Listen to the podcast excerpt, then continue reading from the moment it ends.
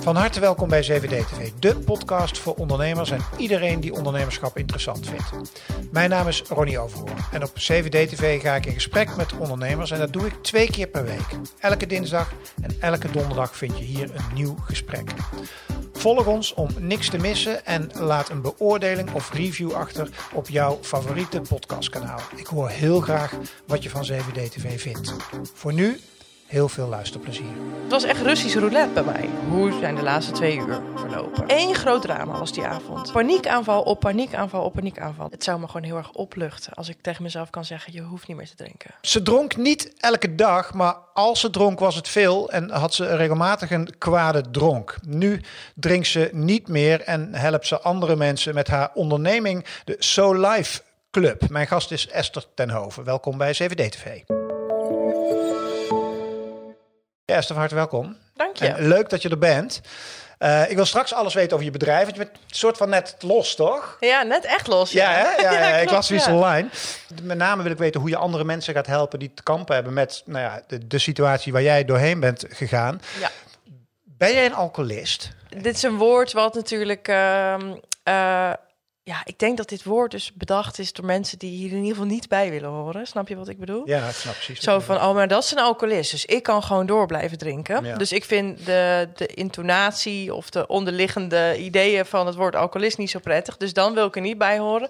Als je zegt, bevensluiversgevoelig, zit er een verslaving in jou? Oh ja, zeker. Ja, ja. Maar het woord alcoholist, we hebben ook geen cocaïnist. We hebben, geen, we hebben dat alleen met alcohol, Ja, snap je? ja, Dus ja. dat is een beetje gek. Dus daarom denk ik van, nou, dat doe ik liever niet aan mee. Nee, en, er zit, en er zit een heel ander beeld omheen voor veel mensen. Hè, van dat je 's ochtends om acht uur onder de brug ligt en eh, eh, trillend de eerste fles wodka naar binnen tikt. Ja. Dat was bij jou niet het geval, hè? Nee, zeker niet. Daar moest ik niet Wat was het probleem? eigenlijk is bij mij het probleem ehm, dat, dat eerste glas altijd vroeg om een tweede glas. En dat dat tweede glas altijd vroeg om een derde glas. Dus bij mij was er gewoon nooit een einde. Was- Het was niet zo dat ik op woensdagavond dacht van... nou, ik moet echt afschakelen. Ik moet een wijntje hebben, anders kan ik niet ontspannen. Maar op vrijdagmiddag drie uur had ik zo'n verliefd gevoel in mijn buik... van zo, vanavond gaan we even helemaal los. Ja, en als ik losging, dan, ik stopte gewoon niet meer. Dus ik werd altijd aangeschoten. Altijd dronken eigenlijk. Je zegt een soort van verliefd gevoel. Waarnaar? Uit de band springen, gek doen, eh, dancing like nobody's watching, zoiets. Ehm Maar kon je dat, kon je, grenzeloos. maar kon je dat niet zonder drank dan? Nee, ja, ik, ik ben best wel een beetje een, een pleaser, best wel. Hè? Dus ik, ik denk graag voor andere mensen. Ik vul ook heel graag in voor andere mensen. Daar was ik de hele week heel druk mee. Dus die vrijdag en die zaterdag, soms ook zondag, dat was dan echt me-time. Dus daar kon ik helemaal... Ja, kon ik gewoon echt uit mijn vel springen. En dan was ik ook super egoïstisch, compleet de andere kant. Dus ik kon Ja. alleen maar met alcohol, zeg maar, me op mezelf richten. Mm. Laat ik het zo zeggen, denk ik, ja. En dat was niet de fijne, hè, Esther. Nee, want ik had, nee, ik Je noemt een heks, hè, ergens. Ja, nee, echt. Ja, dus misschien allemaal een beetje negatief, maar het is wel, het is echt een heel ander persoon dan je nu hier voor je ziet. Ik was echt iemand, als ik dronk, dan ging ik bij random mensen aan tafel zitten, weet je wel. Ik dacht dat iedereen mij leuk vond. Ik vertelde honderd keer hetzelfde verhaal. Ik was heel dicht op mensen, heel erg in de face, heel erg claimerig.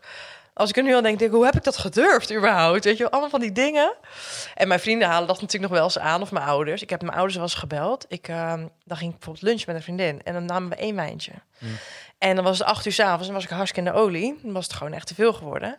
En dan belde ik mijn ouders en dan zei ik... eh, ja, eh, zal ik nog even langskomen of slapen jullie al? Want dat was, en dus mijn moeder die zei, nou, het is half acht 's avonds. Hè. Gewoon zo heftig kon ik van 0 naar 100 gaan, zeg maar. Ja. Terwijl om 12 uur 's middags wist ik dat nog niet. Dus het was echt Russisch roulette bij mij. Het kon, het kon goed gaan, maar het kon ook heel erg fout gaan. Ging het met name om dat van 0 naar 100 gaan? Ja. Dat, die, die rush? Ja, Ik zit hier trouwens heel gekleurde vragen te stellen. Dat is misschien wel goed, ook voor de kijkers om even te weten. Want ik ben lotgenoot van jou. Eh, dus dat is misschien wel net zo eerlijk om dat ook te vertellen. Ja, ja, ja. Ik zeg wel eens dat begin voor het drinken, dus dat stuk voor het drinken, vond ik ook eigenlijk heel interessant. Dat verliefd gevoel wat ik net noemde. Ja. Iemand heeft een keer gezegd tegen mij: de naderende zaligheden. Mhm. Nou, dat omschrijft dat gevoel een beetje van het komt eraan, it's coming, weet je wel. Dat vond ik al heel fijn. En dan glas 1, 2, 3, super fijn. Eh, alleen bij wel het begin nog. Het ging ergens naartoe. En dan tussen 3 en 6 zoiets. Ja, dat was wel mijn... eh, waar ik elke keer dus blijkbaar naartoe wilde. Want dat was het enige moment wat ik eigenlijk fijn vond. Na glas 6, ja, dan eh, gaat Oh, het alles ja. bergafwaarts. Maar ja, goed, dan was het bij mij niet echt een houden meer aan. En wat is bergafwaarts dan? Wat, wat zijn dingen waarvan als je nou terugdenkt, denk je, oh, Ja, naïef zijn, in contact met mensen. Grenzeloos, Ehm, zei je? Grenzeloos, dus Maar- ja, moet ik zeker een voorbeeld noemen. Ehm, afspraken maken met mensen die ik helemaal niet kan nakomen. Eh, dingen doorvertellen van mensen die ik... eh, alle geheimen van iedereen lagen altijd op straat. Ehm, ik stapte bij wildvreemden in de auto. Omdat ik dacht, oh leuk, gaan we daar en daar nog even heen. Weet je wel, helemaal niet nadenken. Ehm, ja, dat, dat eigenlijk. Dat is eigenlijk waar ik het meest zorgen over maak. Als ik nu terugkijk. Denk, Ja. Jeetje, ik heb het gewoon gered. want ja, ja, ja, Ja. je leeft nog. Ja, ik ben er nog. Ja. Ehm, wanneer was het eerste, want je kan ook zeggen van ja, weet je, eh, je was in je, in je 20s. Ja. Eh, dus er zijn genoeg twintigers die nu kijken en denken, ja, dat doe ik ook elk weekend. Wanneer was het moment dat je dacht van ik heb een probleem? Nou, kijk, ik inderdaad, ik werkte in de horeca heel lang. Dus no problemo, hè. Eh, je had daar van die sluitborrels. Als je dan klaar was, dan ging je met z'n allen even een wijntje doen. En dan, eh eh, je hoefde ook nooit vroeg te beginnen. Dus dat was allemaal prima en dat viel helemaal niet op. Maar toen op een gegeven moment kreeg ik een vaste baan. Een kantoorbaan van 9 tot 5. Ja, toen werd het wat lastiger allemaal. En toen dro- dronk ik op een gegeven moment ook niet meer door de week. Want ik vond mijn baan dan wel belangrijk genoeg. Maar als ik dan bijvoorbeeld even wat ging drinken op woensdagavond met vriendinnen... dan was het heel ingewikkeld om mezelf dan in toom te houden, zeg moest de maar. volgende ochtend... eh, Moest ik gewoon werken. Ja, dat had ik eigenlijk nooit gekend. Dus, en die meiden, die konden zich allemaal wel prima inhouden. Die, de- die, die namen één of twee drankjes en dan was het gewoon klaar. Wat deed jij dan? Nou, dan ging ik er drie nemen en dan gingen we naar huis. En dan dacht ik, waar, ga, waar kan ik nog naartoe? Want ik was gewoon nog niet klaar. En dan ging je gewoon gewoon ergens drank halen waar het... Nou, dan ging ik gewoon ergens naar een kroeg waar ik mensen kende of zo. Schoof ik ergens aan om gewoon nog maar niet te hoeven stoppen. En dan, dan had je de volgende ochtend een bonkend hoofd. Tuurlijk, ja. Ja, en dat werd hoe ouder ik werd natuurlijk alleen maar erger. Vertel mij wat. Ja, zo wel. Ja. Mijn hemel. Ja. Ehm, en nogmaals, wanneer was dan het moment dat je iets had van... ehm, ik, ik moet hier wat mee, ik ben anders dan anderen... als het gaat om het gebruik van drank. En dat was eigenlijk dat ik dus zag van mijn vriendinnen kunnen wel stoppen. Mijn vrienden kunnen wel stoppen na drie glazen. Ik moet door. Dat is apart. Dat viel op. En op een gegeven moment ga je jezelf ook dingen opleggen. Hè? Van, nou oké, door de week doe ik het echt niet meer. Dan door de week in ieder geval doe ik het niet meer. En dan als vrijdag is, dan mag het. En dan zaterdag ook wel. Maar zondag is al door de week. Dus dat telt ook niet mee. Allemaal regels. Je kent wel die alcoholagenda. Word je helemaal gek van. Tenminste, ik denk dat je hem kent. Ja. Ik zie een beetje zo kijken van, ah, die had ja, ja, ja. En dan ja, maar ma- maandagavond ze speelt uh, Nederlands elftal. Ja, shit, ja, het is maand. Nou, hè? Onwijs druk mee, maar dat hield ik dus ook nooit vol. Nee. En alleen toen- volhouden is natuurlijk al een term. Ja. Dus dat is mijn leerweg geweest. Van, überhaupt of je nou over drankproblemen hebt, over dieet. Of als mensen Ja. het woordje volhouden benoemen, dan denk ik, ja, dat ga je dus op een gegeven moment verliezen. Ja. Eh, dat is niet de oplossing, maar zometeen de oplossing, denk ik. Tenminste, Ja, ben zeker, benieuwd hoe jij die gevonden hebt. inderdaad- Maar, ehm, dus oké, dus je ging dingen proberen en dingen, maar dat hadden ze allemaal niet zoveel zin. ja, en of dan neem ik elke keer water na elk glas, Ja, of dan of doe ik een dan drie. of dan, ja, of dan begin ik laat, of dan, nou, van alles. Maar elke keer was het hetzelfde eindresultaat. Ik werd de volgende dag wakker en ik dacht, hoe zijn de laatste twee uur verlopen? Oké, je of nog erger, Ja. ja. Ik had op, op het eind echt blackouts, ja. En ik heb wel eens gehoord van iemand die dat, daar verstand van heeft. Als je ooit een keer een blackout hebt gehad, krijg je die heel snel vaker. Hm. Dus nou, op het eind had ik dat heel vaak. En dan dacht ik, hoe, waar, waar ging het nou weer mis? Ja, bij dat eerste glas. Daar ging het eigenlijk altijd mis. Ja, daar maak je de keuze. Ja. Ja. Ja. Ehm, en toen? Toen, eh, nou, ik had die kantoorbaan en eh, ik ging dat door de week niet meer drinken. Dat lukte op zich nog wel redelijk. In het weekend bleef dat gedoe en ik kreeg op een gegeven moment die katers waren ook echt niet meer van gisteren. Dan heb ik het niet over een beetje misselijk en een beetje hoofdpijn, wat je met een ibuprofen weg kan maken. Maar over echt de schuld en de schaamte. Vooral omdat je die afspraken met jezelf dus niet nakomt. Dus je begint te beseffen dat het bij jou misschien ernstiger is of een groter probleem is dan bij de mensen om jou heen. En dat maakte dus dat ik me de volgende dag heel erg schaamde voor mijn gedrag en heel erg spijt had van mijn acties en heel erg een schuldgevoel naar mezelf toe had en mezelf niet meer zo lekker in de spiegel kon aankijken. En dat duurde richting dat ik, nou zeg maar 3, 4, 25 werd, werd dat steeds erger. En ehm, dat duurde soms wel drie, vier dagen. Dat duurde soms wel tot woensdag. Dat gevoel. Ja, dat ik echt dacht van, ik ben het eigenlijk niet waard, ik mag er niet zijn. Heel onzeker, heel labiel, ja. heel- gewoon kut. En, dan, en toen dacht ik, oh, deze prijs is echt veel te hoog. Maar ja, hoe los ik dit op? Want niet meer drinken, gaat het? Helemaal niet meer drinken. Het idee. Ja, het idee alleen al. Had jij mensen dicht bij je die jou spiegelden elke keer van... hey Esther, eh, You've Got a Problem. Op het einde wel, ja. Ja, mijn Wie ouders. waren dat? Mijn ouders sowieso. Ehm, die hebben wel vaker gezegd, volgens mij moet jij gewoon helemaal stoppen. En dan, en dan nou, net zoals, dacht ik echt, wat, wat zeggen jullie nou? Ja. Heb je wel enig idee wat een impact dat op mijn leven zou hebben, weet je wel? Dat kan ik heus niet. En vrienden op een gegeven moment ook wel. Maar goed, die deed zelf best wel hard mee. Daar ben ik ook heel eerlijk in. Die gingen ook tot gaatje mee. Alleen die, eh, die vonden het gewoon niet meer zo leuk om met mij uit te gaan. Nee, en bij jou wist dat altijd te ver ging. Ja. En, En ja. die signalen krijg je dan van... hé, hey, ik ben niet meegevraagd. Of hé, hey, er gebeurt Ah, iets zonder mij. of oh, dat doet nog veel meer pijn. Pittig. Dat gesprek heb ik later natuurlijk uiteraard met hun gevoerd. En waarom, ja. en ik snap het allemaal. Maar daar merkte ik aan, oh, nou ja, dat was ook... eh, ja, de, met Esther valt er geen land te bezijden als die gaat drinken. En daarna was het ook wel van, we maken, we maken ons gewoon zorgen. Ja. We weten gewoon niet waar je belandt. We maken ons op zo'n avond zorgen, terwijl wij lekker uit willen gaan. En dat was niet altijd zo, maar vaak ging het wel zo. Dus die maakten zich... eh, ja, die hebben zich wel, daar wel druk om gemaakt, ja. Weet je nog het moment dat je jezelf in de spiegel aankeek en, en wist dat er maar één oplossingsrichting zou zijn? Ja. Maar Goh, dat je dit zegt, die weet ik nog heel goed. Ja, Ja. beschrijven? Pride Amsterdam ging ik naartoe. 2016. Ik vond het geweldig om, want dan kun je overdag drinken. Hè? Eh, Koningsdag en zo. Kun je lekker overdag drinken. Iedereen doet dat. Ik ging daarheen met een kater, want ik kon eigenlijk nooit tegen als ik iets leuks ging doen. Dan moest ik de avond van tevoren altijd drinken. Heel raar, maar ik kon dat verheugde gevoel niet aan. Eh, Bizar. Dus ik werd al laat wakker en ik moest haasten naar de trein. En nou goed, dus eh, bier overdag. En ik at ook niet als ik dronk. Dus om- omdat ik dan bang was dat het gevoel wegging. Dus ik werd heel erg snel aangeschoten en heel erg op een, ja, op een hele ehm, vervelende manier, zeg maar. En wij hadden daar een, een appartement geboekt, want we dachten, daar maken we dan een weekend van. Dus ik zei op een gegeven moment om negen uur s'avonds, jongens, ik trek niet Wie meer. Met vrienden was ik. Ik trek het niet meer, ik moet gaan. Dus ik ben dat appartement gaan zoeken en dat ging helemaal niet, want ik wist het adres niet meer en mijn telefoon was leeg en ik was zo lam als een, nou ja, echt één groot drama was die avond, die, het einde van die avond. Uiteindelijk dat appartement gevonden, geen idee meer hoe. Ik heb volgens mij nog mijn zonnebril pro- proberen te verkopen om een taxi te betalen. Nou ja, dat weet ik nog vaag. Uiteindelijk ben ik daar dus beland, want ik werd de volgende dag daar wakker. En ehm, toen was 's ochtends paniekaanval op paniekaanval op paniekaanval. Dat was nieuw. Ik denk dat dat het laatste half jaar dat ik nog dronk, zeg maar, toen, zeg maar, toen ik 25 was. Altijd het geval was, paniekaanvallen. Durfde Dus ik niet meer onder besef, de dat mensen is- te zijn. zijn de besefmomenten. Dus, ja, ja. ja, echt heel erg. En toen keek ik in de spiegel, letterlijk, daar in die wc. En toen dacht ik, dit, hoe moet ik deze dag doorkomen? En weer zo'n dag, zeg maar. En toen dacht ik, ja, het zou me gewoon heel erg opluchten... als ik tegen mezelf kan zeggen, je hoeft niet meer te drinken. Je kan het zelf wel, ga maar. En dat was het moment, mijn moeder gebeld. Eh, die heeft me de hele treinrit naar Veenendaal, daar woonde ik toen nog doorheen geloodst. Want hoe eng met een paniekaanval in een trein zitten. Dus dat was allemaal, dat heeft ze heel fijn gedaan.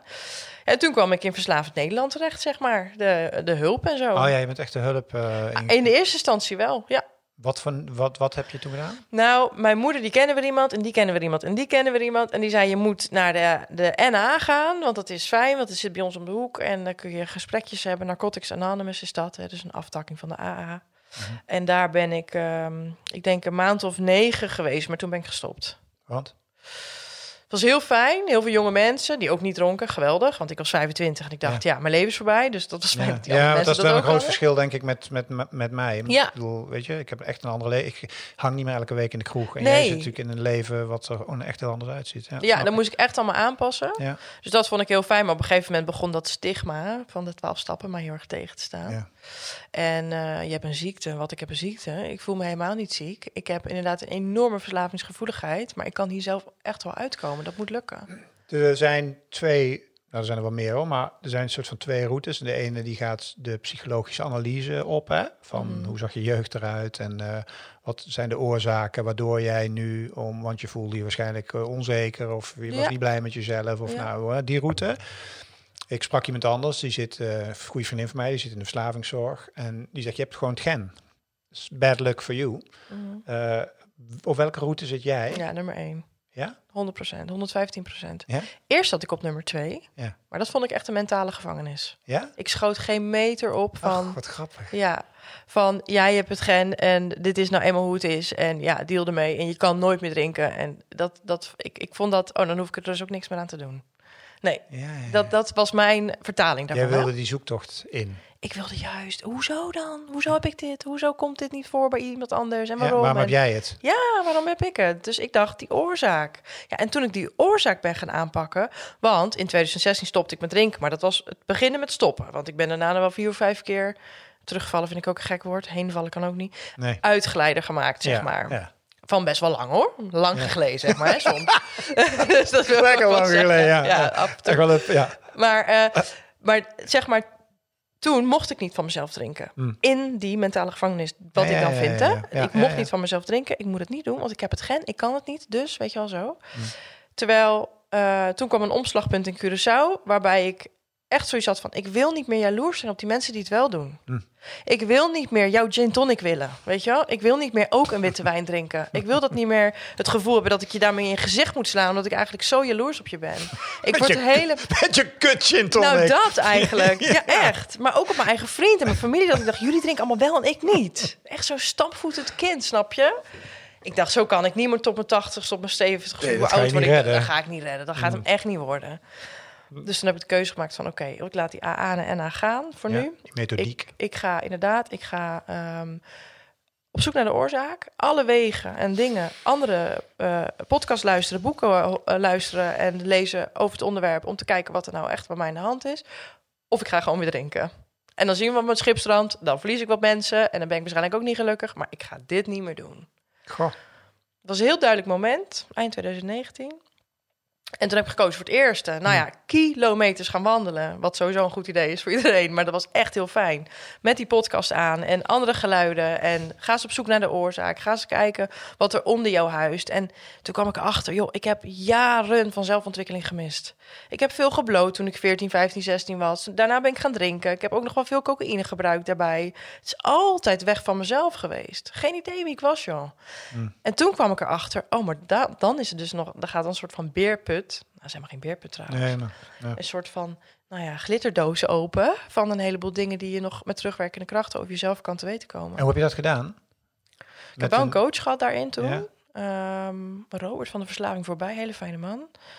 Die heeft me laten zien van, nou, ja, ga maar eens naar je systeem kijken. Hè? Daar gaan we dan beginnen. Uit wat voor gezin kom je? Welke plek heb je? Mm, wat voor ja, karaktereigenschap? Heeft het gezin daar ook bij geholpen nog? Of heb je van Wat? die opstellingen gedaan ook? Ja, maar die doe ik allemaal nu pas. Ah, Ja, ik heb dat echt wel heel rustig aange- aangepakt allemaal hoor. Hm. Ik heb echt gewacht van, is mijn echt interesse daarvoor nu? Oké, Ja. dan ga ik erin. Ja. Dus dat ben ik allemaal nu aan het doen. Afgelopen jaar heel veel systemisch werk gedaan. Ja, Hm. daar wordt ook gigantisch veel duidelijk hoor. Ja, mega inspirerend. Ook, ja. ja, pijnlijk ook? ook, ja, ik heb wel eens een opstelling gehad dat ik gewoon echt elke half uur weg wilde. Dat ik dacht, wat doe ik hier? Ik wil hier niet meer zijn. Het komt veel te dichtbij. Hm. Maar dan moet je juist blijven zitten. Dus gelijk na die opstelling de volgende geboekt. Want dan weet ik, hier moet ik wezen nu. En dat is dus wel wat me... Maar dat komt ook doordat ik niet meer drink, dat ik dat allemaal durf. Ja. Snap je? Dus dat is een twee... Ja, het, Dus leven, het leven wordt verdomd helder hè, in één keer. Ja, echt. Ja, je, je kan, je kan, er is geen weg meer terug. En kun je het moment... ehm, kun je het moment ook nog herinneren, of is dat niet één moment geweest, dat je het gevoel had dat je vrij was? Dat je, dat je, dat het in, dat je zoiets had van, ik ben er los van? Ja, dus dat, ja, dus dat heb ik bewerkstelligd, zeg maar, door toen, toen het van ik mag niet meer drinken naar ik wil niet meer drinken ging. En ik wil echt niet jouw gin tonic. zeg maar. Ik wil heel graag een gin tonic, maar ik wil er echt geen gin in. ik wil gewoon heel graag helder erbij blijven. Ja. Alle scherpe randjes van mezelf voelen, alles ontdekken. Nooit meer naar beneden in mijn hormoonstelsel. Nooit meer me, op een dag zo destructief in de hoek gooien. Want dat is wat ik natuurlijk altijd deed met alcohol. Want daar ben ik veel te waardevol voor geworden. Maar dat werk moest eerst gedaan worden om dat te kunnen voelen. Ehm, en ben je bang voor de toekomst om, terug, om, om weer terug te vallen in iets? Blijft het een gevaar? Ja, ik kan. Ik, mijn, eerste, mijn eerste gedachte is heel hard nee te zeggen. Ik, maar als mensen mij vragen: ga je nooit meer drinken? Ja, geen idee. Hè? Dat, Mhm. eh, ik heb ook geen glazen bol. Eh, misschien gebeurt er in mijn leven ooit iets heel traumatisch waarbij ik toch een ander pad ga kiezen. Geen flauw idee. Mhm. Ik zou het heel onwaarschijnlijk vinden. Mhm. Echt heel onwaarschijnlijk. Omdat er Ehm, zoveel voor in de plaats is gekomen. Ja, er is, ik zeg tegen zoveel dingen ja nu. Waar ik eerst heel hard onbewust nee tegen zei. Dus het lijkt mij heel onwaarschijnlijk. Maar ehm, in ieder geval bang voor een terugval. Nee, dat niet. Want dan Nee. zet ik mezelf alsnog in een wachtkamer. Nee, Ja. dat ook niet. Als er nou mensen zitten te kijken of te luisteren naar de podcast en dingen flarden herkennen en misschien zelf al wel eens in die spiegel hebben gekeken van hoe, wat zijn kenmerken of wanneer moet je je zorgen maken, vind jij? Ik vind dat als je in een restaurant zit en je bent met een goede vriend of vriendin of met een familielid, iemand, een fijn iemand, en je bent eigenlijk alleen maar bezig met wanneer komen ze mijn glas vullen. Hè? Of ik loop langs de bar, weet je wat, ik tik er even gauw in achterover. Dat. Lijkt allemaal best onschuldig. Ik hoor dit best vaak dat dit gebeurt, hè?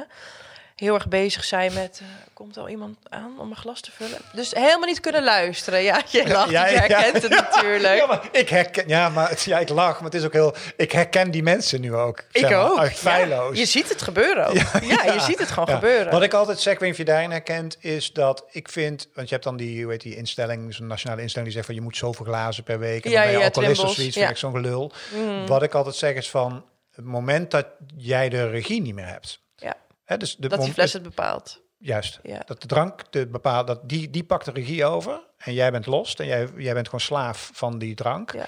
Eh, dan heb je een probleem. Op het moment dat jij de regie hebt en jij dus op elk moment kan beslissen zelf, eh, ik wil drinken of ik wil niet drinken, of ik wil er 1, 2, 5 of voor mij maar 20. Mhm. Eh, ben je het daarmee eens? Ja, of ben ik heeft hoeveelheid eens. ook een, is hoeveelheid ook een signaal?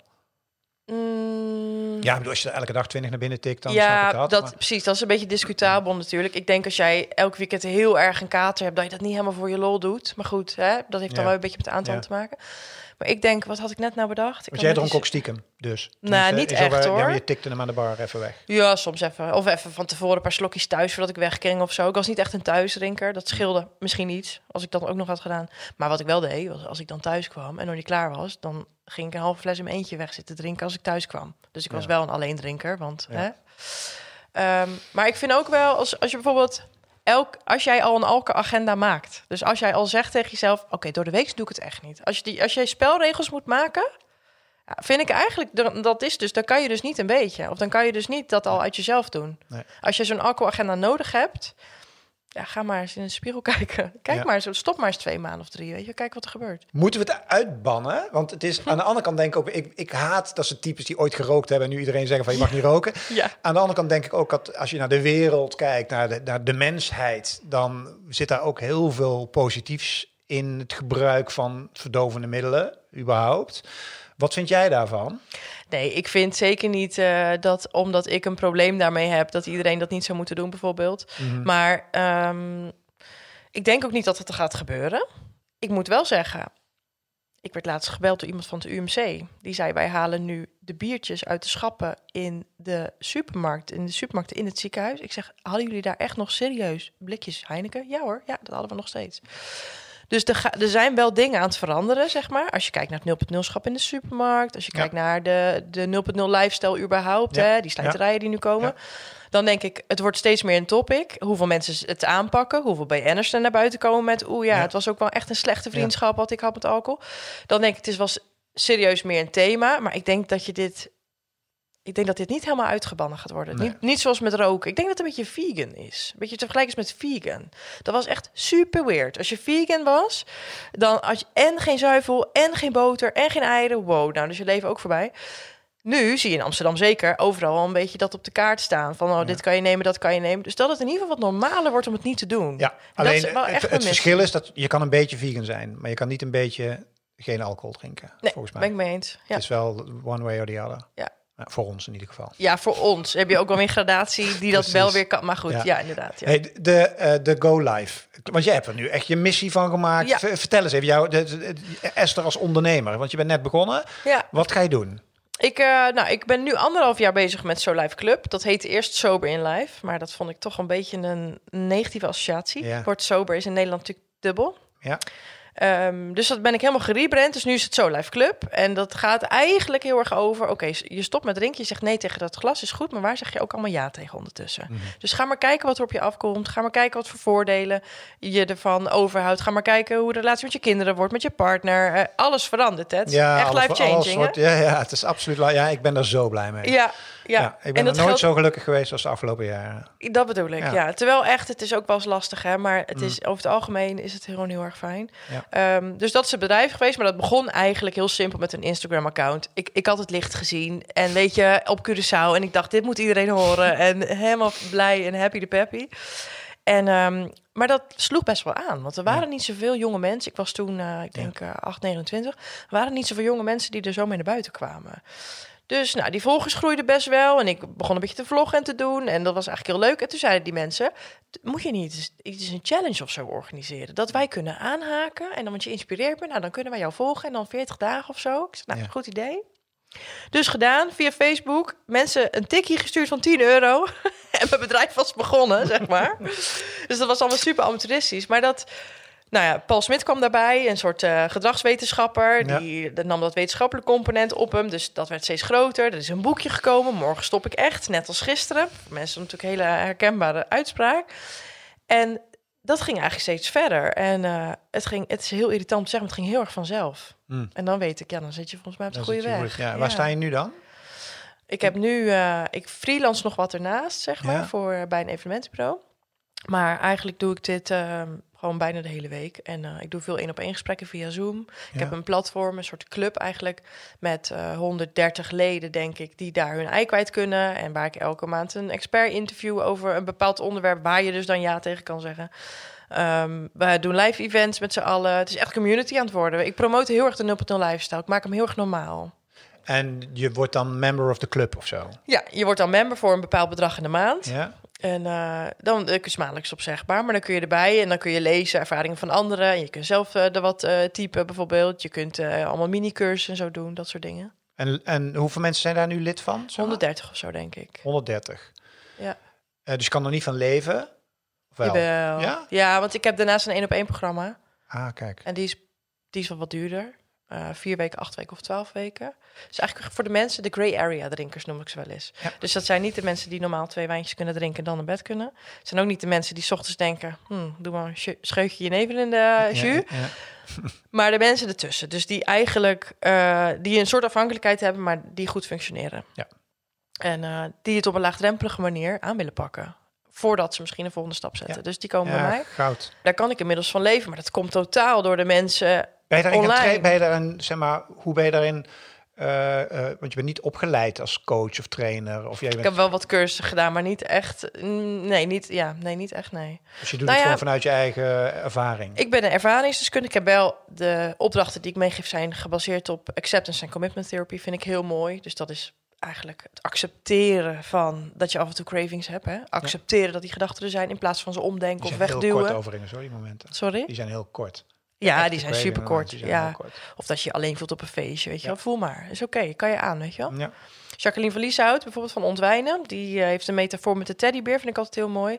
Je komt op een verjaardag en iedereen zit met een hele grote en wollen teddybeer op schoot. Dat is dan een glas alcohol, hè.